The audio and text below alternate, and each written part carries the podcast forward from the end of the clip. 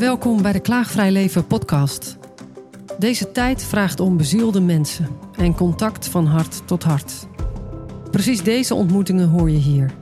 Het gaat over ware wensen, bijkomende weerstand en bijzondere daadkracht. Mijn naam is Sandra Brandt en ik zou zeggen: ga er bewust voor zitten of ermee aan de wandel. Open je hart en laat je raken.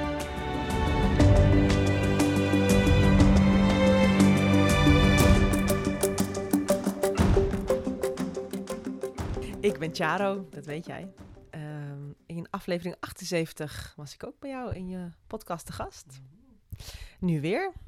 Ehm, hartstikke leuk. Ook eh, ongemakkelijk en spannend.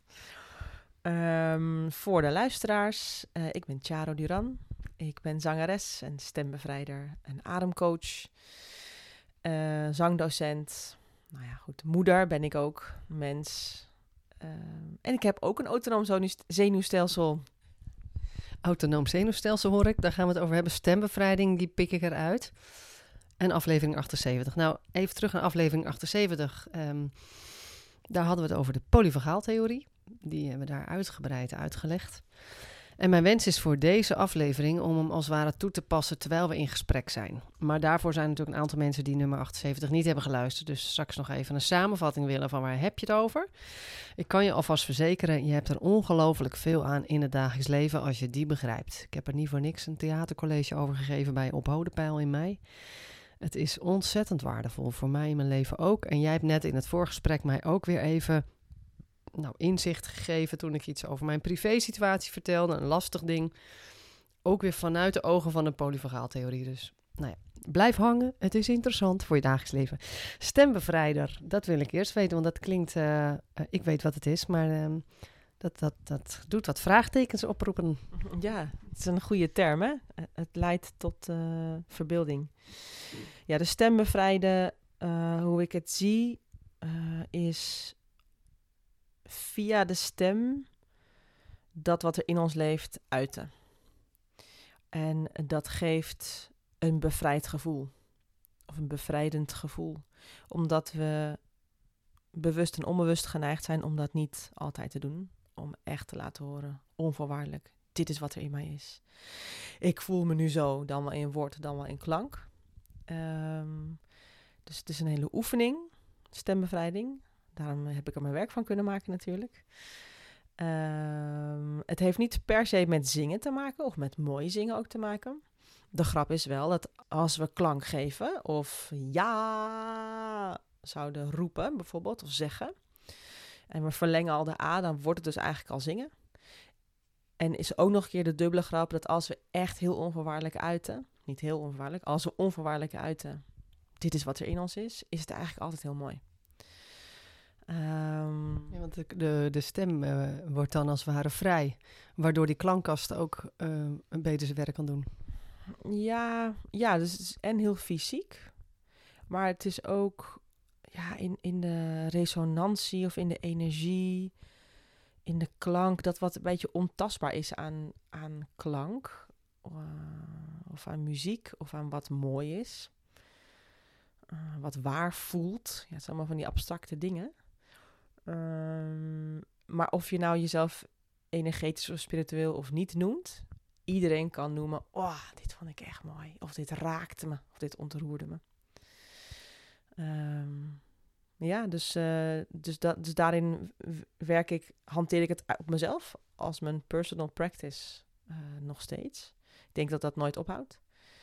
Vind ik ook heel fijn dat dat nooit ophoudt. En, uh, en met mensen vind ik ook echt wonderschoon. We hadden het er net ook over in ons gesprekje voordat we het opnamen. Hoe aligned of hoe erg vanuit je krachten je kan voelen als je aan het werk bent. Iemand zei laatst tegen mij: oh ja, vaak in ons werk lopen we vooruit. Uh, moet even goed zeggen, in wat we kunnen, in onze kracht en daarin zijn en daar vanuit werken. En in ons persoonlijk leven is dat soms nog meer een struggle of een worsteling of een zoektocht. Ah. In onze wereld ja, kunnen we vaak dat wel al. En uh, is dat, voel ik me ook heel erg in mijn kracht en in mijn zachtheid. En dan voel ik heel veel opening in mijn hart en heel veel liefde eigenlijk altijd voor alle mensen. Um, en is dat voor mezelf een wonderschone ervaring. En is het, is het een extra cadeau dat ik ook mensen in hun schoonheid of hun kracht of hun pracht mag zien. In hun waarheid. Ja, en is dat soort van wat Jan Korti zo een keer zei, waarvan ik eerst dacht, wat? Maar nu zeg ik het soms voor de grap, maar stiekem meen ik hem eigenlijk wel. Nee, stiekem, hier is het. Genade op genade. Dus ik voel de genade van, wauw, ik voel me in mijn kracht. Uh, ik werk vanuit, als ik jouw term, vanuit flow werken. Uh, ik, ik kan heel erg in, in connectie zijn met wat ik dan voel en wat ik zie of wat ik hoor of wat ik weet. Uh, mijn hart opent, dat is al genade. Omdat iemand naar mij toe komt omdat hij wil stembevrijden bijvoorbeeld. Dat voelt al voor mij als genade. En dan gaat iemand ook nog eens een keer de oefening nemen en zichzelf laten horen. Met alles wat daarbij hoort. Dat voelt dan als genade op genade. Ja, ik moet denken aan wat ik met je deelde. De dag van gisteren, waarin ik twee wandelsessies heb gegeven. En daarna wat slaaponderzoekswerk heb gedaan met drie cliënten. Maar het contact wat ik had met die ook weer nieuwe cliënt voor, uh, voor wandelsessie. Dat had alles te maken met mezelf toestaan dat ik een uur lang uh, mijn ding kon doen. En echt kon voelen wat is hier nodig. Ik ga niet meepraten uh, in zijn verhaal. Als ik voel dat ik dat helemaal niet heb te doen. En dan echt een uur lang alle zintuigen aanzetten en heel erg aanwezig in het hier en nu. En daarop navigeren en doen en laten waarvan je voelt dat je hebt te doen. En dat wordt dan ook helemaal zo ontvangen. Dat klopt allemaal. En dan zo dankbaar na een uur. Maar ook voor mij. Het is echt een cadeau. Uh, om dat gevoel dan in je privéleven weer toe te passen. En ook die alignment, dat is dan een beetje lastiger. Ja, dat is inderdaad zo. Dus inderdaad, dat vond ik zo'n treffende opmerking die ik dus kreeg. Van, oh ja, vaak in ons werk kunnen we dat allemaal heel goed. Beter vaak dan in ons persoonlijk leven. Daar is het, ja, want dan zijn we soms nou, zagrijnig uit bed gestapt of moe of uh, whatever. Ja, maar ook al ben ik zagrijnig uit bed gestapt, als ik dan zo'n sessie geef, dan heb ik daar helemaal geen last van. Dan kom ik zo in mijn kracht. Maar hoe kan het nou, hè? Dat je dan... Nee, maar dus inderdaad zagrijnig uit bed en dan direct in, in contact met je kind of je partner of met de buurman of uh, whatever, uh, met de buschauffeur oh ja, kan ik dan ook helemaal aligned open? Nee, misschien dan eventjes niet, want dan overkomt het me. In plaats van ik weet om één uur komt er een klant. En uh, ja, dat, dat, is natuurlijk een andere setting. Ja, en ik zelf, voor mezelf is het dat ik eerder getriggerd word in oude stukken. Op de een of andere manier. In het persoonlijke leven. Ja. Ja. Nou ja, dat is meteen een bruggetje naar de polyvagaaltheorie, denk ik. Ja. ja. Ja, de polyvagaaltheorie, daar gaan we het ook over hebben. Ja, jij zei al van, nou misschien uh, wil jij het uh, vertellen, want uh, jij kan het wat lastiger in een korte versie. Ja, dat, dat daar voel ik me gelijk wat sympathisch getriggerd. Zou ik hoog gaan ademen. Oh, hoe moet ik dit allemaal uitleggen dat het zo helder is? En, nou, jij weet er ook zoveel van. Ik heb, het, ik heb jouw uitleg een keer gehoord tijdens een, een cursus die ik bij jou deed. En die gaf heel veel waardevolle informatie. ik dacht, wow, zo knap als je het zo kan uitleggen. Dus credits voor jou. En ik ga hem even kort doen. Heel simpel. De polyvagaaltheorie. Uh, Stephen Portjes is de onderzoeker geweest, en hij leeft nog, die uh, bij uh, te vroeg geboren kinderen, als ik het goed heb, de ontwikkeling van zenuwstelsel heeft onderzocht.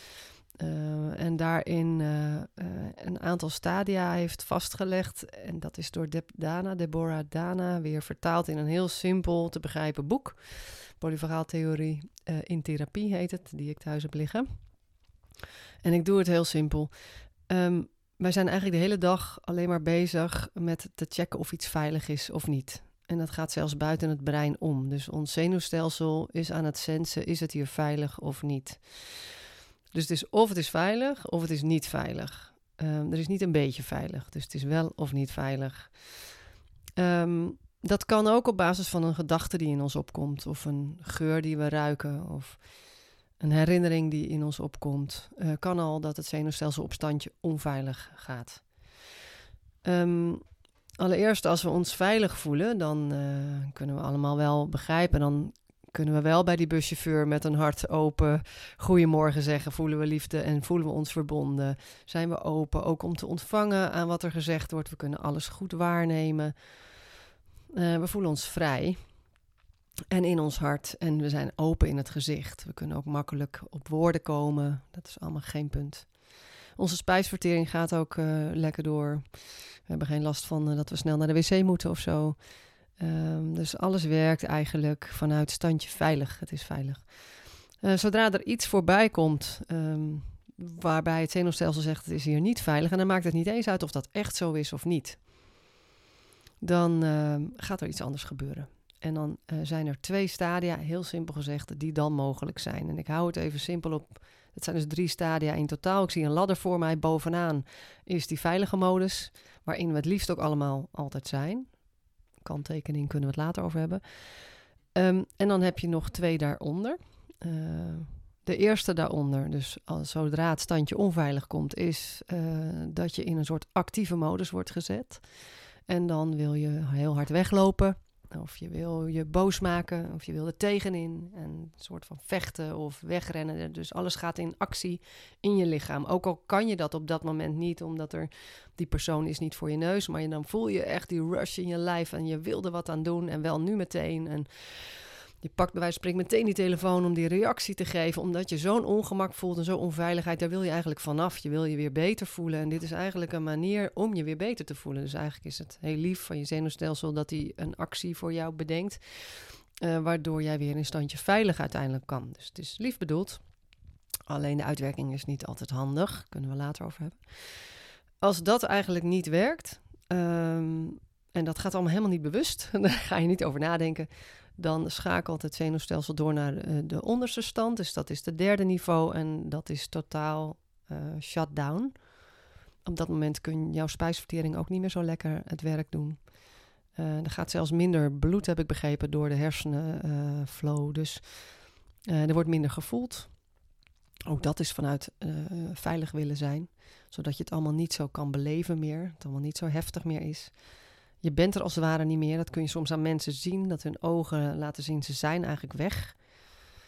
Um, nou ja, en we hebben allemaal in de loop der jaren een soort voorkeur ontwikkeld. Dus sommige mensen gaan meteen in verzet en in de vechtstand en zijn overal tegen en uh, zijn erg op dat stuk bezig. En een andere die is als het ware afwezig en is er niet meer. En uh, dat laatste is als het ware de oudste, zeggen ze in de evolutie. Net als een schildpad, die doet alsof die dood is, die is er niet. En die andere is eigenlijk in beweging al. En dat is al een stapje makkelijker richting weer dat veilig voelen in het hart. Dit was even de korte uitleg, waarin ik vooral nadruk leg op dat alle reacties zijn allemaal bedoeld om je uiteindelijk veilig te maken. En dat het dus eigenlijk niet de bedoeling is of niet prettig is als je je daar ook nog eens tegen verzet. Van, oh god, nou zit ik in de stressmodus en in de vechtmodus. Of, oh, ik ga helemaal shutdown en ik, uh, ik wil eruit. Of ik merk dat ik uitcheck. Als je daar dan ook weer een oordeel hebt, dan wordt het wel lastig. Want dan zet je eigenlijk je stresssysteem nog verder aan op standje onveilig. Maar ik zou eraan toe willen voegen, ook al zou je dat opmerken dat je dat aan het doen bent, ook dat is weer oké. Dus ergens, bij continu uitzoomen, uitzoomen, kun je ervaren, oh ja, wacht even het is oké. Het, het, lukt even niet. Dit is wat er is. Ja, ja ik zit hier te knikken en uh, uh, mooi uitgelegd. Ja, mooi praktisch ook gelijk met hoe het in de praktijk eruit kan zien.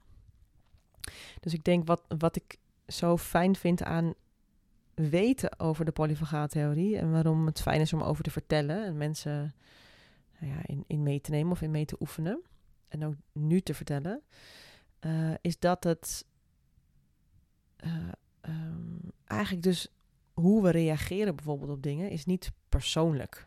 In de zin van, als ik mij onveilig getriggerd voel. Ik vind zo mooi die drie lagen die zij hanteren van iets door iets binnenin mij kan ik een onveilige trigger krijgen. Dus misschien mijn hartslag gaat opeens zo snel, schrik ik van.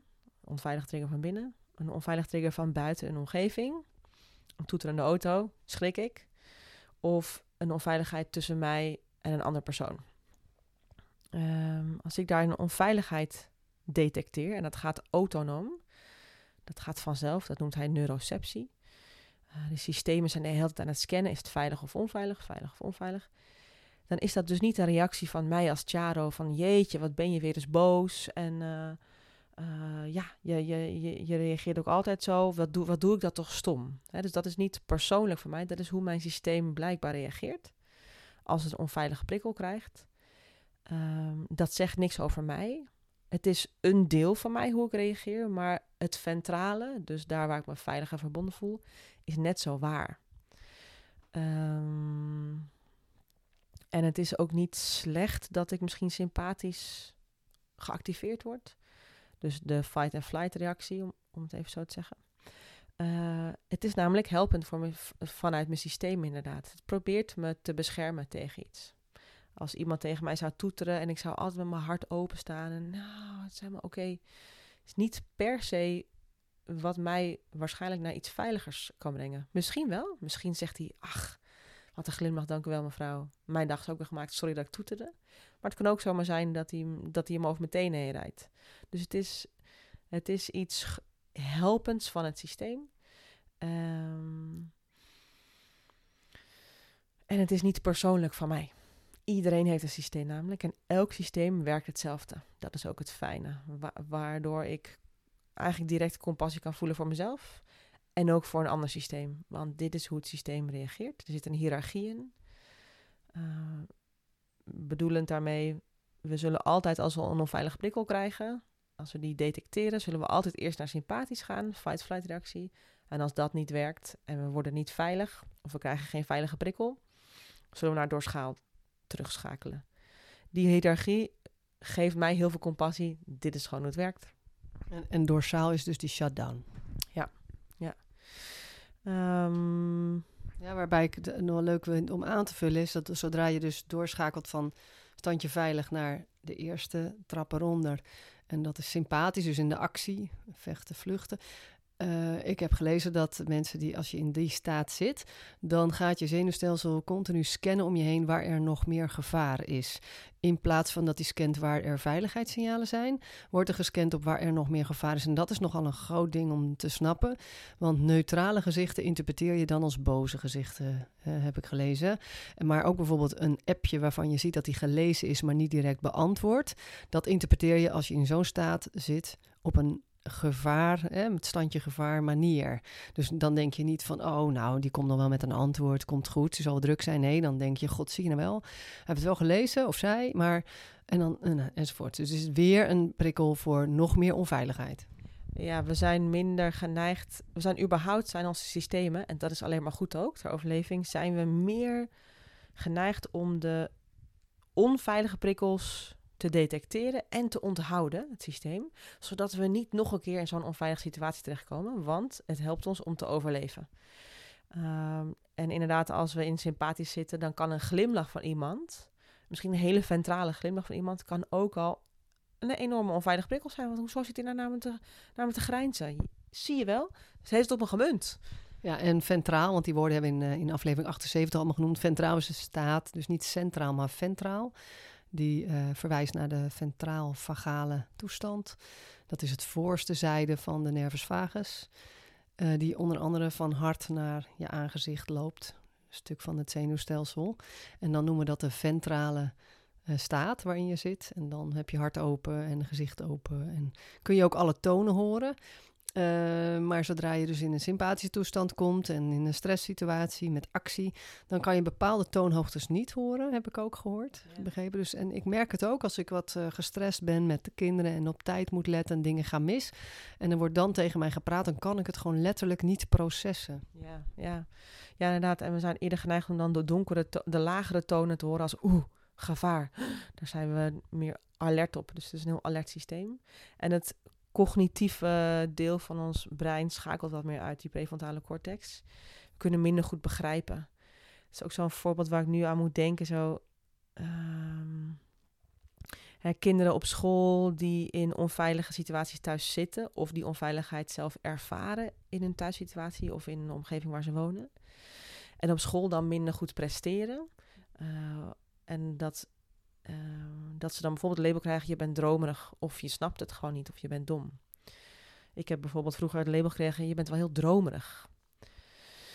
Ja, dat zal zijn geweest. Dat kan ik nu niet precies zeggen. Ik was veel aan het fantaseren. Dat, dat gaf mij heel veel ventrale energie in de onveiligheid die ik heb ervaren als kind.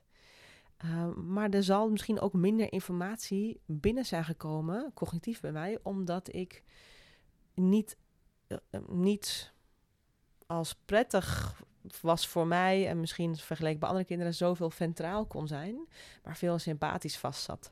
Ja, dus uh, je stond in een standje onveilig, jouw systeem eigenlijk. Ja, waardoor ik dus oh, het label, oh nee, zij is dromerig. Weet je wat, doe jij maar, jij snapt niet goed, ga jij maar MAVO doen bijvoorbeeld. Hè? Dus dat is zo'n uiting daarvan. Wat helemaal niet per se dus, of helemaal niet is gebleken ook klopte. Uh, want mijn brein kan prima dingen onthouden en begrijpen en zien. Um, alleen niet door in de staat waar ik in was en hoe mensen mij dus lazen. Dus dat is ook zo. Het is, het is in die zin is de polyvagaaltheorie of theorie en door die lens dingen bekijken is ten alle tijde een goed idee, zou ik zeggen. Ja, precies. Nou, en ook wat fijn is als je het zelf begrijpt. Is, nu kan ik het al een tijdje zeggen, dat als de kinderen tegen me beginnen te praten terwijl we snel richting auto moeten, spullen mee, la la la dat ik nu kan zeggen, ik kan het niet horen nu, ik kan het niet processen. Zometeen als we in de auto zitten en we rijden, dan wil ik naar je verhaal luisteren. En dat werkt super, want zo is het ook. Ja. En het is een hele mooie ventrale uiting. Dus die verbinding, die uh, ventraal waar we ons veilig en verbonden voelen met onszelf, dan wel met de wereld om ons heen, dan wel met een ander.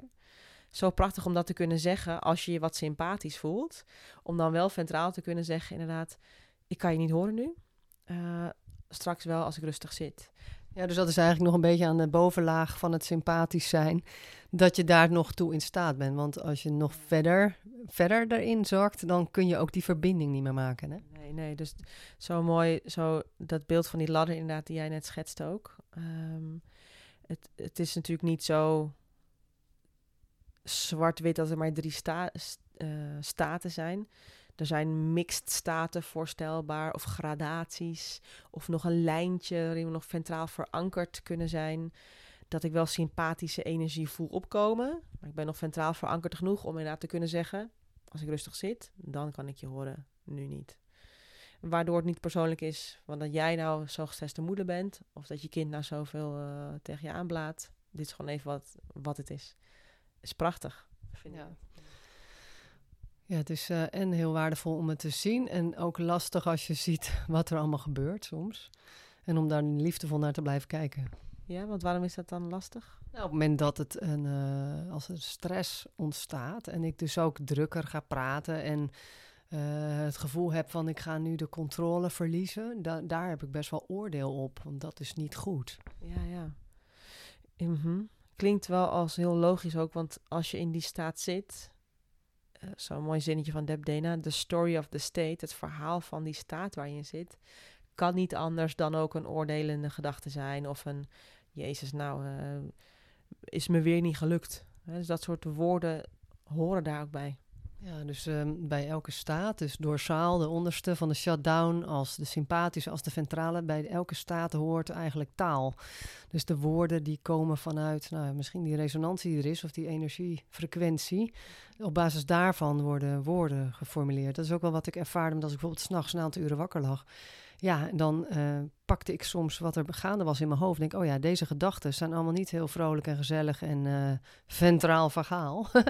uh, maar dat is logisch, want ik, ik, ik, ik zit in een hele andere staat. Ja, ja en, dan, en dan, omdat dat zo waar is, de ervaring van, ons, van onze staat waar we zitten, dat is gewoon waar. Of dat nou nodig is volgens een ander wel of niet. Maar de ervaring ervan is waar.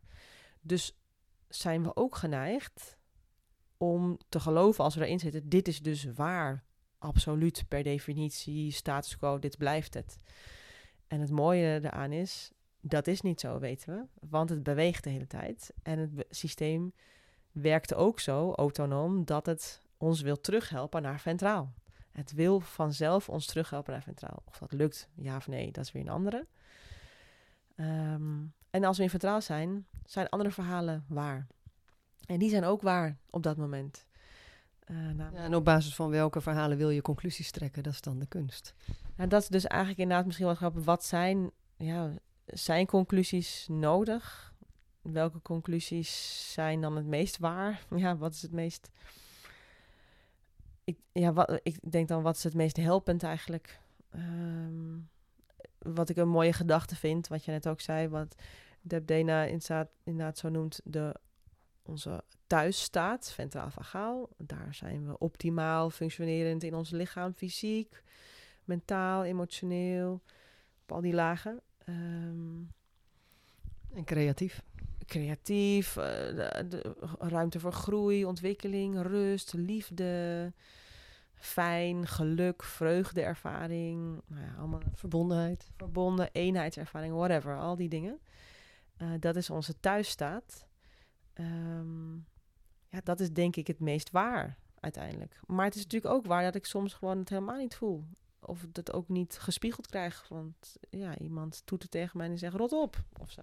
Ja, en wat ik helemaal aan het begin over zei, van er is nog een kanttekening bij dat we eigenlijk het liefst in de ventraal-vagale staat zijn. Want nou, misschien wil jij daar iets over uitleggen. Voor sommigen is dat juist een onveilige plek. Om daar te zijn soms. Ja, god. Als onze home away from home, als we dus zo door het leven, door de omstandigheden, ons systeem zo gevormd is dat we misschien vaker dan prettig is voor onszelf in, in sympathisch uithangen of in dorsaal. Dus dan is het ons tweede thuis geworden, om even zo te zeggen in het Nederlands. Ja, alsof je gewoon de hele dag een beetje verdoofd rondloopt en dat je hele leven al bijna doet. Op basis van ervaring. Ja, en dat je dus bijna denkt, dit ben ik, dit is hoe het leven is. Zo is het, punt. Eh, kan het heel erg ja, ongemakkelijk, onwennig, oncomfortabel, mega spannend. En dus ook mega kwetsbaar zijn als we bewegingen gaan maken naar ventraal toe. Of in ventraal af en toe meer gaan uithangen. Want man, dan voel ik opeens allemaal shit. Eh, voel ik meer emoties? Gaat dat diep gaan? Daar voel ik me misschien meer gegrond en geaard? Gaat het door mijn hele lichaam heen? Voel ik misschien opeens mijn onderbenen of mijn onderrug? Eh, ja, dat, dat is dan heel spannend. Ja, en wat ik daarin nog eh, herinner is dat het ook een, ehm, een- ervaring is dat je nog steeds, eh, ja, hoe zeg je dat, gegrond blijft, dat je er nog steeds bent, terwijl je dus helemaal in die veilige staat komt. Ik moet denken aan die, dat programma van, ik heb het al eerder gezegd, Matthijs Bos, de Freedom Warrior groep was dat, voor een aantal maanden. En met de laatste oefening, dat je mocht vragen aan de cirkel wat jij wilde, mocht je in de cirkel gaan zitten. En de meesten wilden dan gedragen of gemasseerd of eh, door iedereen worden, weet je. Eh, dus lijfelijk eh, contact. Maar ik wou eigenlijk dat iedereen bleef zitten met de aandacht bij zichzelf en een heel klein beetje bij mij. En toen gebeurden er een aantal dingen wat me heel diep raakte, waardoor ik enorm moest huilen. Maar iedereen bleef zitten waar die zat. En ik voelde dat paarden wel moeite mee hadden. Maar eh, vervolgens kwam er weer een soort joy en moest ik heel erg lachen. En vervolgens kwam er een hele soort blissgevoel en ontspanning. En toen was, want alles was gewoon door kunnen stromen, ingeluid. En terwijl de groep mij droeg, ehm, zonder er iets mee te moeten doen. En dat was voor mij een hele mooie weg richting ventraal vagaal. En leren dat je ook in een groep eh gesupport wordt. Want dat ken ik eigenlijk niet zo vanaf jongs af vanuit scholen. Dat je dus in een groep gesupport kan worden terwijl je allerlei emoties hebt. En dat die dus niet veroordeeld werden of dat er niet om gelachen werd of dat het niet weggenomen wilde worden door een ander. Maar iedereen bleef ook gecenterd bij zichzelf. Ja, ja dus, dus de, het systeem is dan zo eh gewired, bedraad, om dan misschien, oké, in een groep me zo uiten. Ah, is spannend. Oh, ik kom misschien al een beetje in een flight reactie. Maar om inderdaad dan het systeem, je eigen systeem, de, de kans, de ruimte te gunnen en te geven en de ervaring te geven. Dit kan ook veilig zijn. Ik kan blijven, zij blijven. En ik voel vreugde. Ah, dat, is, dat is nieuw terrein dan, laten we zeggen, wat dan wordt gewonnen. Letterlijk nieuwe bedradingen die worden... eh, pathways in het Engels, dus paadjes letterlijk van de zenuwbanen vanuit de hersenen het lichaam in. Die worden geactiveerd, die worden gebruikt.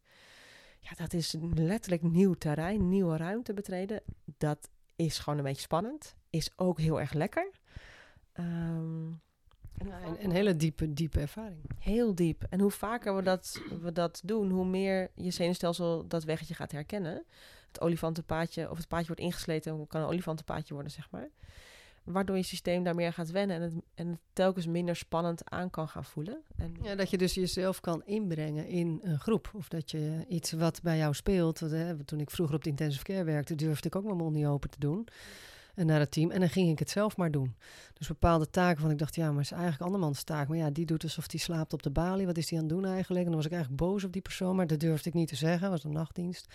En dan ging ik dat werk ook nog even erbij nemen. Als soort van uitvlucht om niet het in te brengen in verbinding van, joh, ik vind het pijnlijk om te zien. Ik vind het moeilijk. Volgens mij hebben we dit en dat te doen. Maar het is mijn patiënt niet, het is de jouwe. Ik durfde dat allemaal helemaal niet te zeggen. Maar daardoor ben ik wel, ja, het is nooit gediagnosticeerd, maar uh, richting burn-out, zullen we maar zeggen. Ik ben daar helemaal op leeg gelopen. Ja, dus het klinkt als je dan inderdaad het werk voor, dat, dan doe ik het wel. Dat is, laten we zeggen, een sympathische beweging. Ik kan me voorstellen dat het dan inderdaad op een gegeven moment is de, die mobiliserende energie zoveel aan hebben. Ja, dat leidt tot een burn-out inderdaad. Als dat niet kan ontladen en af en toe terug naar ventraal kan gaan. Dat is mooi, want dan kijk je... Uh, ik, ik, ik noem het voor mezelf dan geen burn-out. Want ik, ik wil zo min mogelijk met diagnoses uh, kijken. Maar om het toch een, beetje een naam te geven. Het is dan interessant als je vanuit deze kennis die we nu dus delen... kijkt naar mensen die wel zo gediagnosticeerd zijn... of misschien degene die luistert daar zit misschien zoiets onder dat je eigenlijk helemaal niet kent. Dat je jezelf kunt inbrengen met uh, zaken waarmee je speelt en niet weet dat dat ook veilig kan. Ja, ik, denk dat dat misschien alweer te specifiek zou kunnen zijn. Ik denk als ik het nog algemener uitzoom en door die lens van die polyfagaal bekijk. Een, een burn-out zouden we ook wel kunnen zien als er is te veel, te lang in de gemobiliseerde energiestaat, die sympathie geweest te veel meer dan gezond is voor het systeem. En dat systeem klapt dan door naar een dorsale staat. Namelijk, ik kan niks meer, ik ben moe, ik kan alleen maar huilen. Ik zie geen energie meer of, of uh, hoe heet het, een, een uh, hoop voor... ik, ben kapot. Dus dus te veel, te lang in die, in die sympathische staat geweest. Ja, dat is, dat is, uh, dat gebeurt veel omdat we ja, mm, niet misschien bewust genoeg van zijn nog. Omdat we hard werken wordt als iets goeds gezien. Doorgaan, doorpakken. Um, ja. Ja, en dan wil ik even naar de oplossingen. Hè? Want daar hebben we het toen ook over gehad in de cursus die ik bij jou ook gedaan heb. Over adem en lijf en vanuit deze scope. Um, je hebt al een beetje verteld dat je wat ventrale acties kunt doen, of ventrale ankers noemen we het toen ook wel. Kun je daar iets over vertellen? Ja, dus, dus als we merken, en dat ik denk dat dat dus stap 1 is, als we bewust worden, hé, hey, waar is ons systeem nu? Uh, oh, het is nu heel sympathisch of het is heel dorsaal. Oh, ik ben heel ventraal. Maar laten we zeggen sympathisch of dorsaal, als je jezelf daarin bevindt. Oké, stap 1. Stap 2. Uh, eh, wat wat kan ik doen zodat mijn systeem weer naar ventraal gaat? Of heel erg anders gesteld, niet alleen de onveilige prikkel weghalen, maar mezelf een prikkel van veiligheid geven.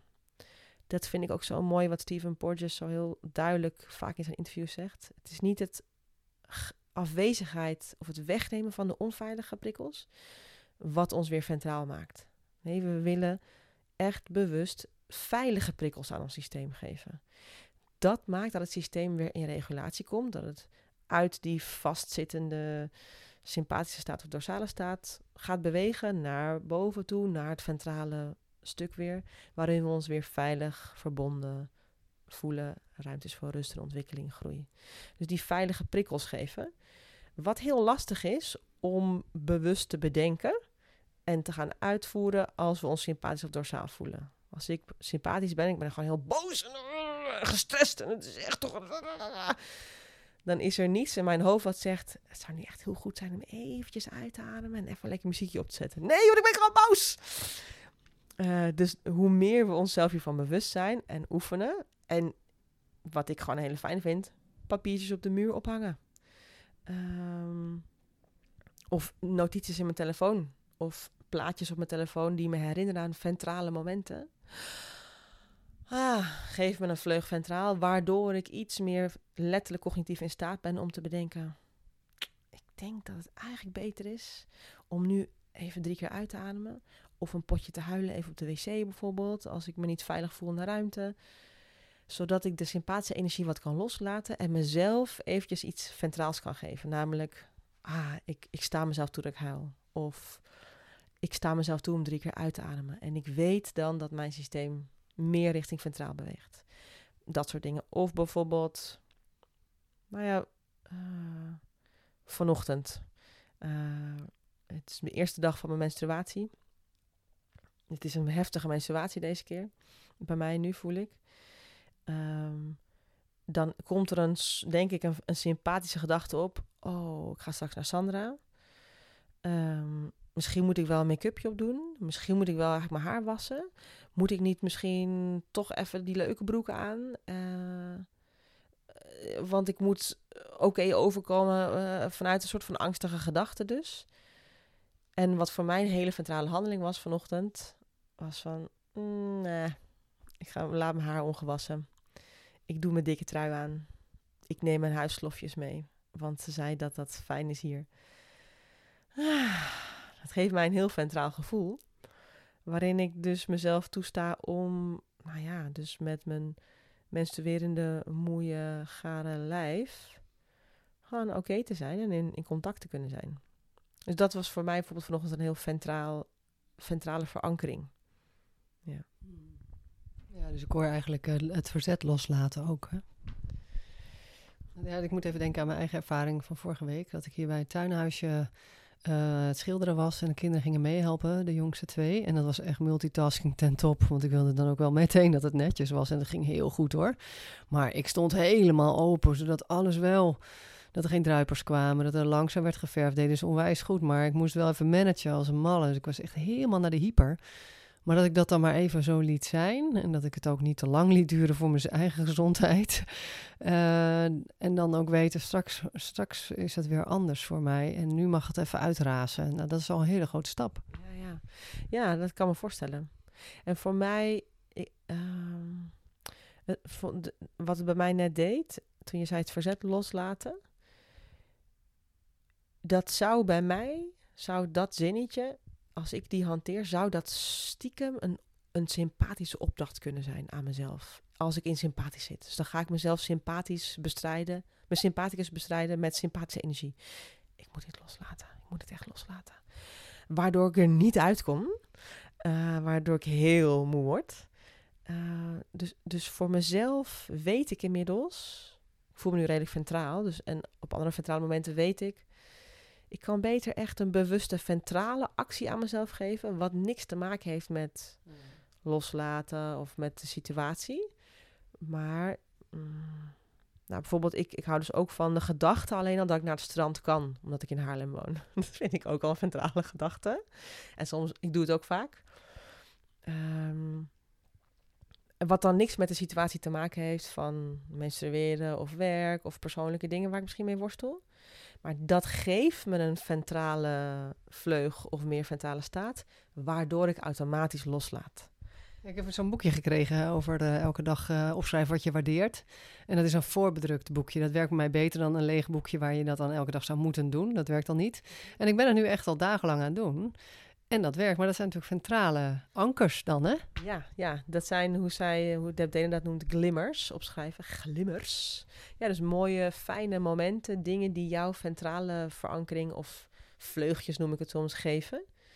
Um, waardoor als we in meer ventraal uithangen, als vanzelf meer loslaten, als vanzelf meer compassie hebben, als vanzelf meer geduld hebben, als vanzelf meer gegrond voelen, meer open zijn, et cetera. Dus dan hoef ik er niet voor te werken om los te laten.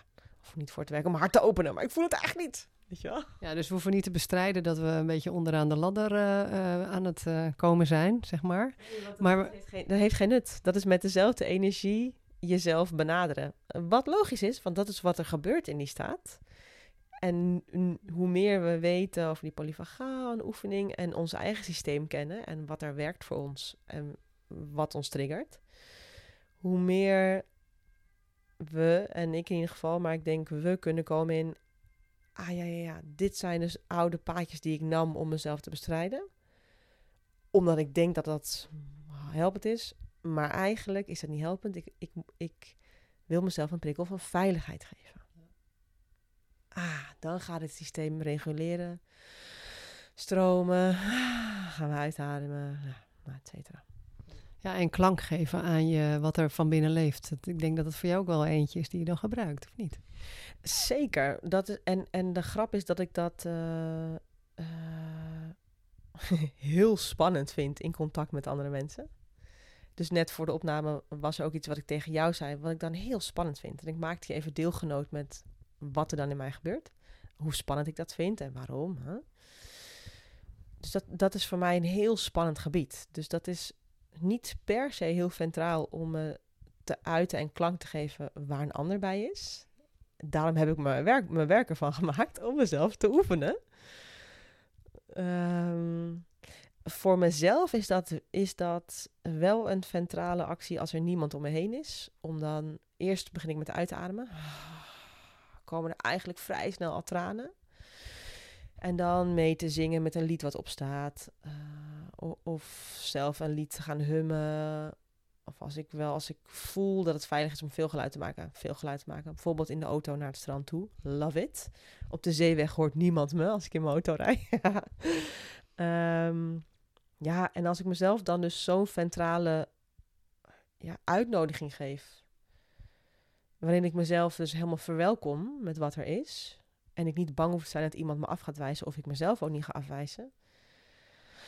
Ah, ja, dan komt er eigenlijk altijd vreugde. Waardoor ik weet, ah, hier ben ik weer ventraal. Ja, dat is, ik hoorde ook elke keer onder het toestaan dat je het op jouw manier mag doen. He, want zoals uh, bij mij ventrale ankers is ook op tijd naar bed of niet naar dat feestje s'avonds die om acht uur pas beginnen, omdat het voor mij echt pas beginnen. En heel soms doe ik dat wel, maar uh, dat ik dat heel vaak niet wil. Dat is ook een stukje erkenning dat het voor mij gewoon beter werkt. En uh, dat ik hier s morgens een aantal weken wel om zeven uur al stond te schuren. Dat is mijn manier. En dan ging ik om negen uur lekker koffie drinken, soep maken en dan kwam ik weer terug. Maar zo heb ik in twee weken dit helemaal opgeknapt, dit huisje, tuinhuisje. Um, maar dat begint ook met het erkennen dat dit jouw lifestyle dan is of jouw manier is. Ja, of dat dit dus voor jou inderdaad, voor jouw systeem fijn is. En dat kan ook per dag, per moment, per levensfase ook weer verschillen. Per cyclus. Per zeker, waar je in je cyclus zit. Ja, nou zeker, ja. Want andere keer is voor mij is het juist een ventrale handeling om wel uh, te denken... Mm, ik ga een beetje make-up op doen. En dan doe ik mijn haar, ga ik vlechten. Ah, I feel good. En dat, dus dat is dan een hele andere, meer soort van de play ventrale. Dus een ventraal verankerd, een beetje een lekkere play, gemobiliseerde energie van het sympathische op een fijne manier. Is voor mezelf dan een hele fijne prikkel op die manier. Dus dat ziet er inderdaad, kan er altijd weer anders uitzien. Ja, dus inzicht hierin is gewoon heel rijk voor jezelf, maar ook richting anderen. En het is ook fijn om te begrijpen, en dat weet je zelf misschien ook, dat als je echt in een lagere staat zit op die ladder, dat je elke aanraking al te heftig kan zijn, maar dat is dus ook naar de ander toe. Dus als iemand zich echt onveilig voelt, dat kan je gewoon scannen. Kan je gewoon voelen als je hiermee gaat oefenen voor jezelf. Kan je het ook bij anderen eerder herkennen. Is dat een aanraking dan juist even niet is? Of dat je zou willen, kunnen vragen eerst van, joh, kan een knuffel je misschien helpen? Of, of gewoon aanwezig zijn al genoeg is. Ja, ja. ja, klopt. Dus het grappige is, we zitten nu natuurlijk uh, uh, tegenover elkaar. We zaten net ook tegenover elkaar voordat we opnamen. Er zat er meer afstand tussen ons. Dus ik voel voor mezelf, voor mijn systeem is er altijd, of bijna altijd eigenlijk wel, voelen, voelt het veilig om zo dichtbij iemand te zijn. Dat vind ik, ik kan voor mij snel een prikkel van onveiligheid geven. Of om iemand aan te raken kan voor mij snel een prikkel van onveiligheid zijn.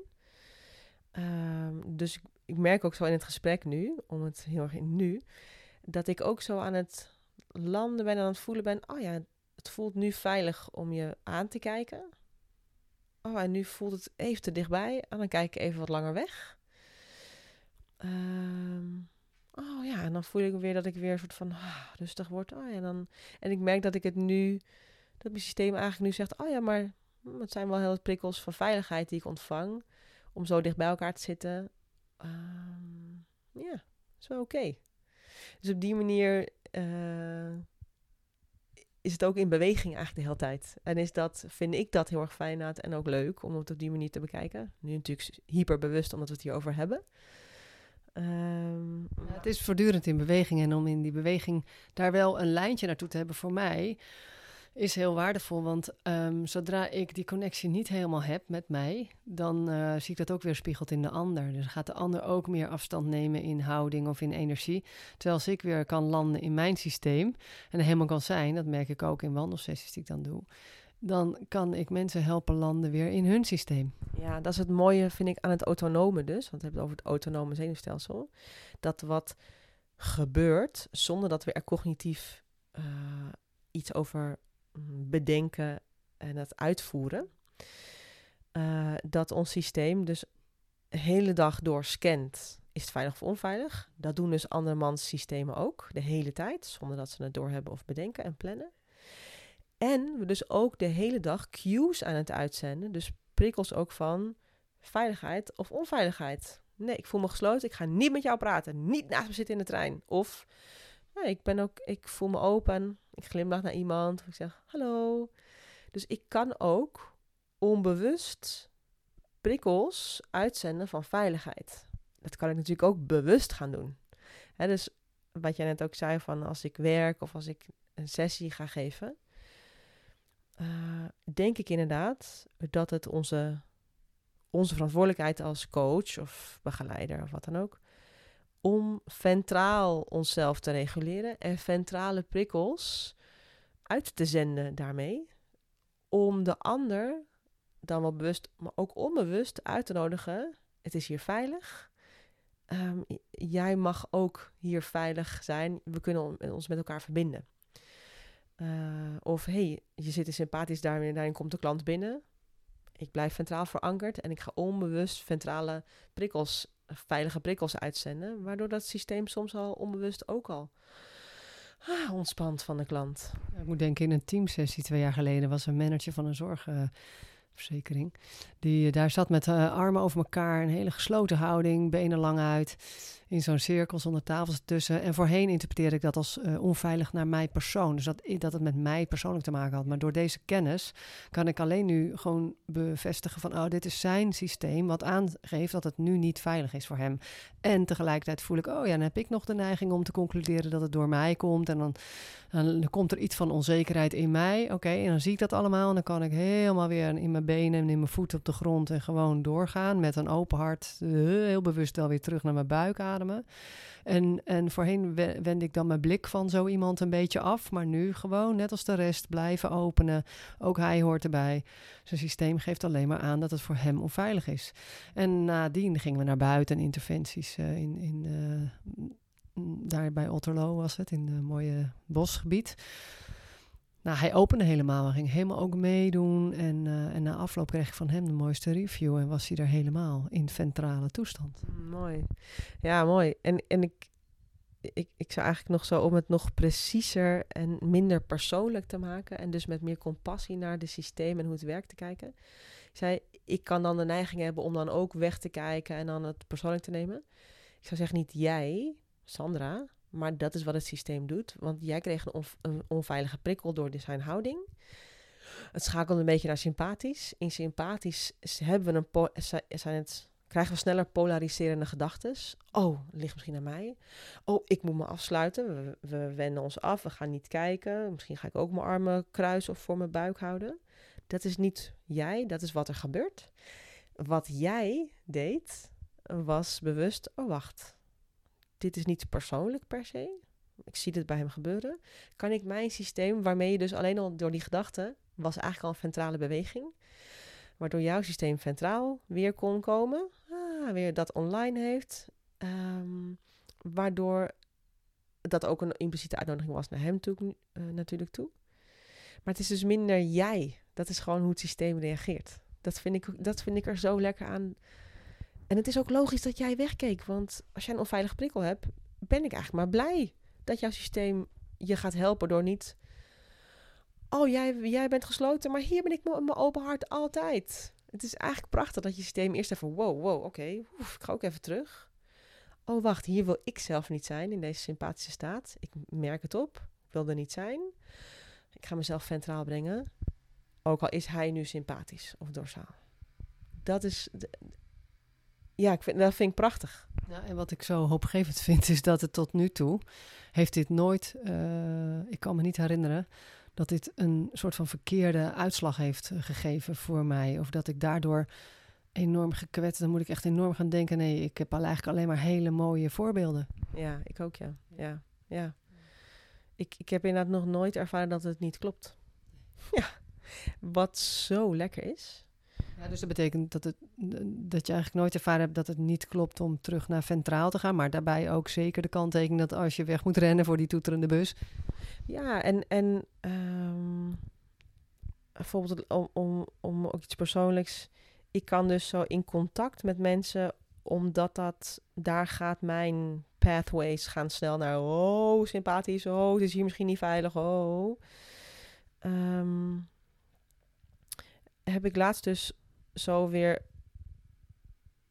geoefend. Ik werd er weer mee geconfronteerd en ik heb weer geoefend met, oh wacht, dus mijn reactie is nu, ik ben misschien ook niet leuk en hij vindt me niet leuk en eh, nee ja, want uh, en ik heb ook dit en dit gezegd, dus dan is het ook logisch. Ik ging het helemaal zo sympathische stories maken die ik geloofde. Um, waar ik nu ook merkte dat ik veel sneller terug kon komen naar ventraal, omdat ik er denk ik meer mee heb geoefend en meer het ventrale touchdown home basis, thuisbasisgevoel telkens beter ken, die ervaring ervan. Waardoor ik niet dus helemaal uit mijn lood geslagen was, dus helemaal in sympathisch of helemaal in dorsaal. Maar kon blijven, oh maar wacht even, dit is mijn reactie, want ja, ik, mijn, de neuroceptie zegt dat het onveilig is. Of dat nu door hem daadwerkelijk ook wordt uitgezonden of alleen maar mij is. Dit is mijn ervaring. Oh, wacht. En, en, en wat zou nu het centrale verhaal zijn bijvoorbeeld? Nou, het centrale verhaal zou zijn... Er, is, er scheelt helemaal niks aan mij. Ik, ja, ik, ik ben net als anderen, heb ik ook ervaringen. En heb ik negatieve kanten en positieve kanten. En ben ik eigenlijk best een leuk mens. En ja, Waardoor ik telkens steviger en sneller in mijn ventrale ervaring kon komen. Waardoor ik me dus minder heftig uit het, nou ja, uit het lood geslagen voelde. Of wat, wat is de term? Uit het lood? Uh, ja. Um, uit het veld geslagen. Uit het veld geslagen. Ik ben zo slecht in uitspraak. Ik moet het ook niet meer doen. Um, nou, en waarmee je ook een soort patroon kan doorbreken van, uh, ja, ik noem het een beetje giftige patronen, waarin je de hele tijd vanuit triggers van onveiligheid op elkaar gaat zitten bekvechten.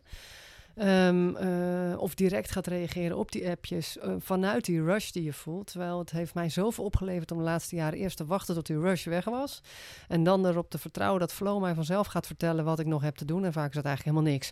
Naar diegene waarvoor ik eerst dus uh, weer een hele app terug had gemaakt. En nog een mail erachter of zo. En dat kwam dan ook weer terug. Dus door deze kennis te hebben, jezelf eerst te wachten. Of daar ook moeite voor te doen om in een ventrale staat te komen. Dat kan even duren, maar geef jezelf de tijd. En dan te voelen van ja, er gaat dan wel verschijnen wat ik nog te doen heb. En dan is dat eigenlijk niks, waardoor die ander eigenlijk ook niks meer krijgt om nog weer verder te, te hakken. Ja, bijvoorbeeld, ja. Of, of dat vind ik ook zo'n.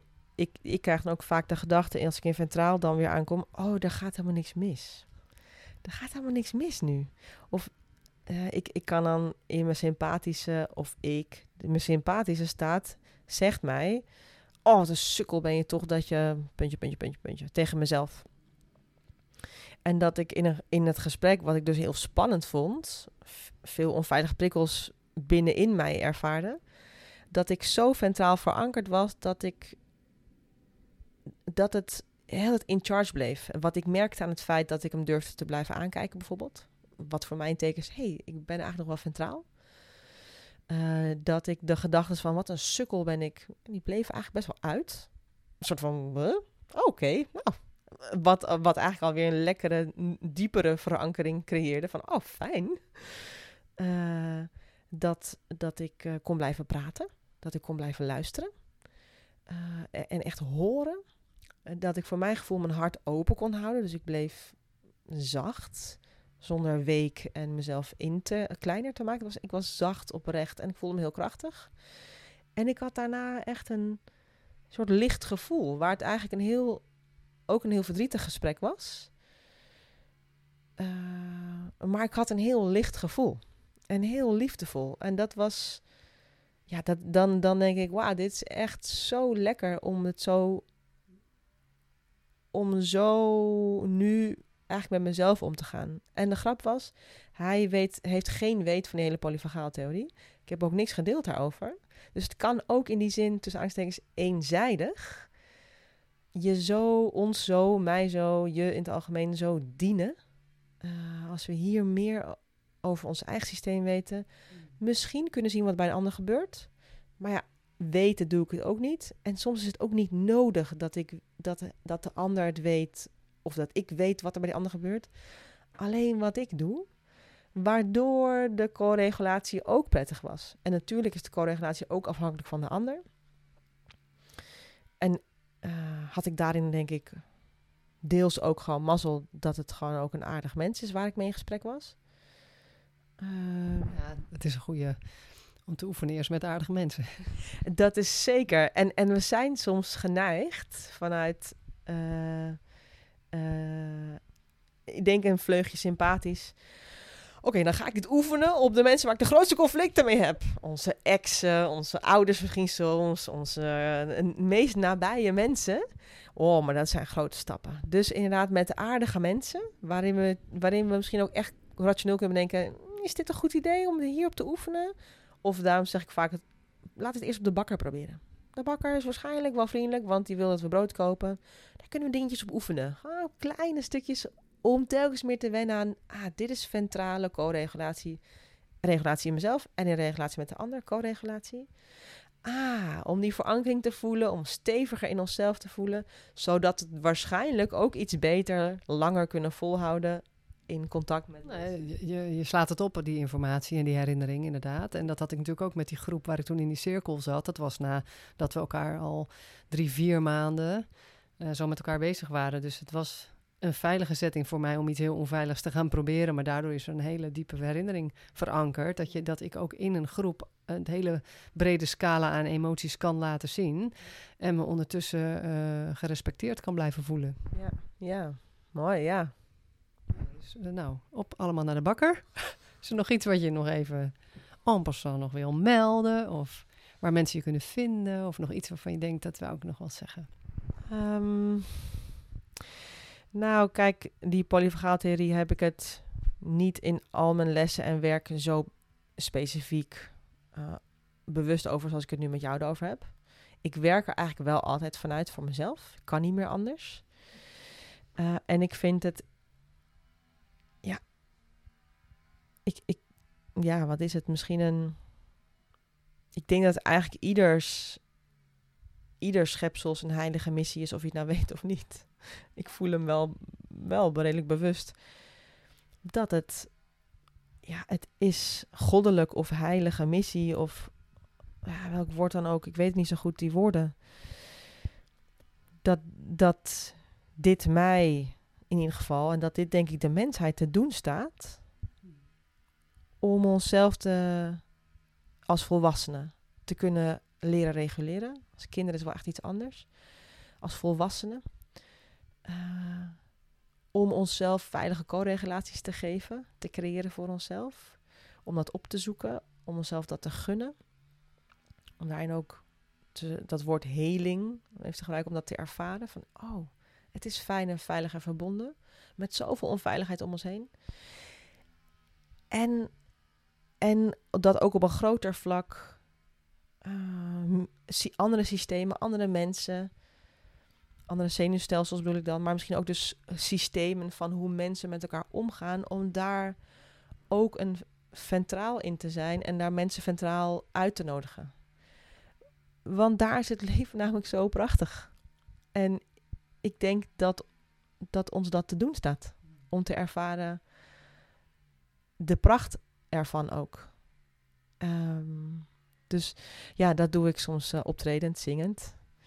Uh, dat doe ik uh, heel graag op die manier. Doe ik ook heel graag stembevrijdend met mensen. Um, ja, op, de manieren die voor mij heel dichtbij voelen en die voor mij heel centraal zijn. Zingen met mijn lijf, bewust, adem, eh, contact maken. Dat zijn voor mij fijne manieren. Um, en wie, zich, wie dat ook voelt, Welkom, let's do it. Waar vinden ze je? Uh, online kan je me vinden op uh, www.zangschoolkanto.nl. En kanto is met een C, C-A-N-T-O. En dat betekent ik zing in het Spaans. Ja. Wauw, en wat in mij opkwam was dat je gouden momenten creëert, ook voor de kinderen om je heen. Als je zelf steeds meer terugkomt in het echte thuis. Ja, zeker. En dat is, dat is wat ik als moeder, dat, ik noemde natuurlijk mijn dingen op mijn werk, maar ik denk dat mijn grootste oefening in het leven is in mijn moederschap. Om, uh, als moeder mezelf zo ventraal te kunnen verankeren en mezelf zo goed te kunnen reguleren dat ik in mijn moederschap aan dit kleine wezentje, wat nog maar zes jaar als mens hier rondloopt, met zijn zenuwstelsel zo veilig mogelijk te kunnen hechten, oftewel te kunnen co-reguleren met mij, zodat hij zichzelf veilig kan reguleren als hij het moeilijk heeft. Ja, dat is mijn grootste opdracht en missie en oefening. Ik hoor je. Wat een heerlijk gesprek. Dankjewel, Charo. Jij ook.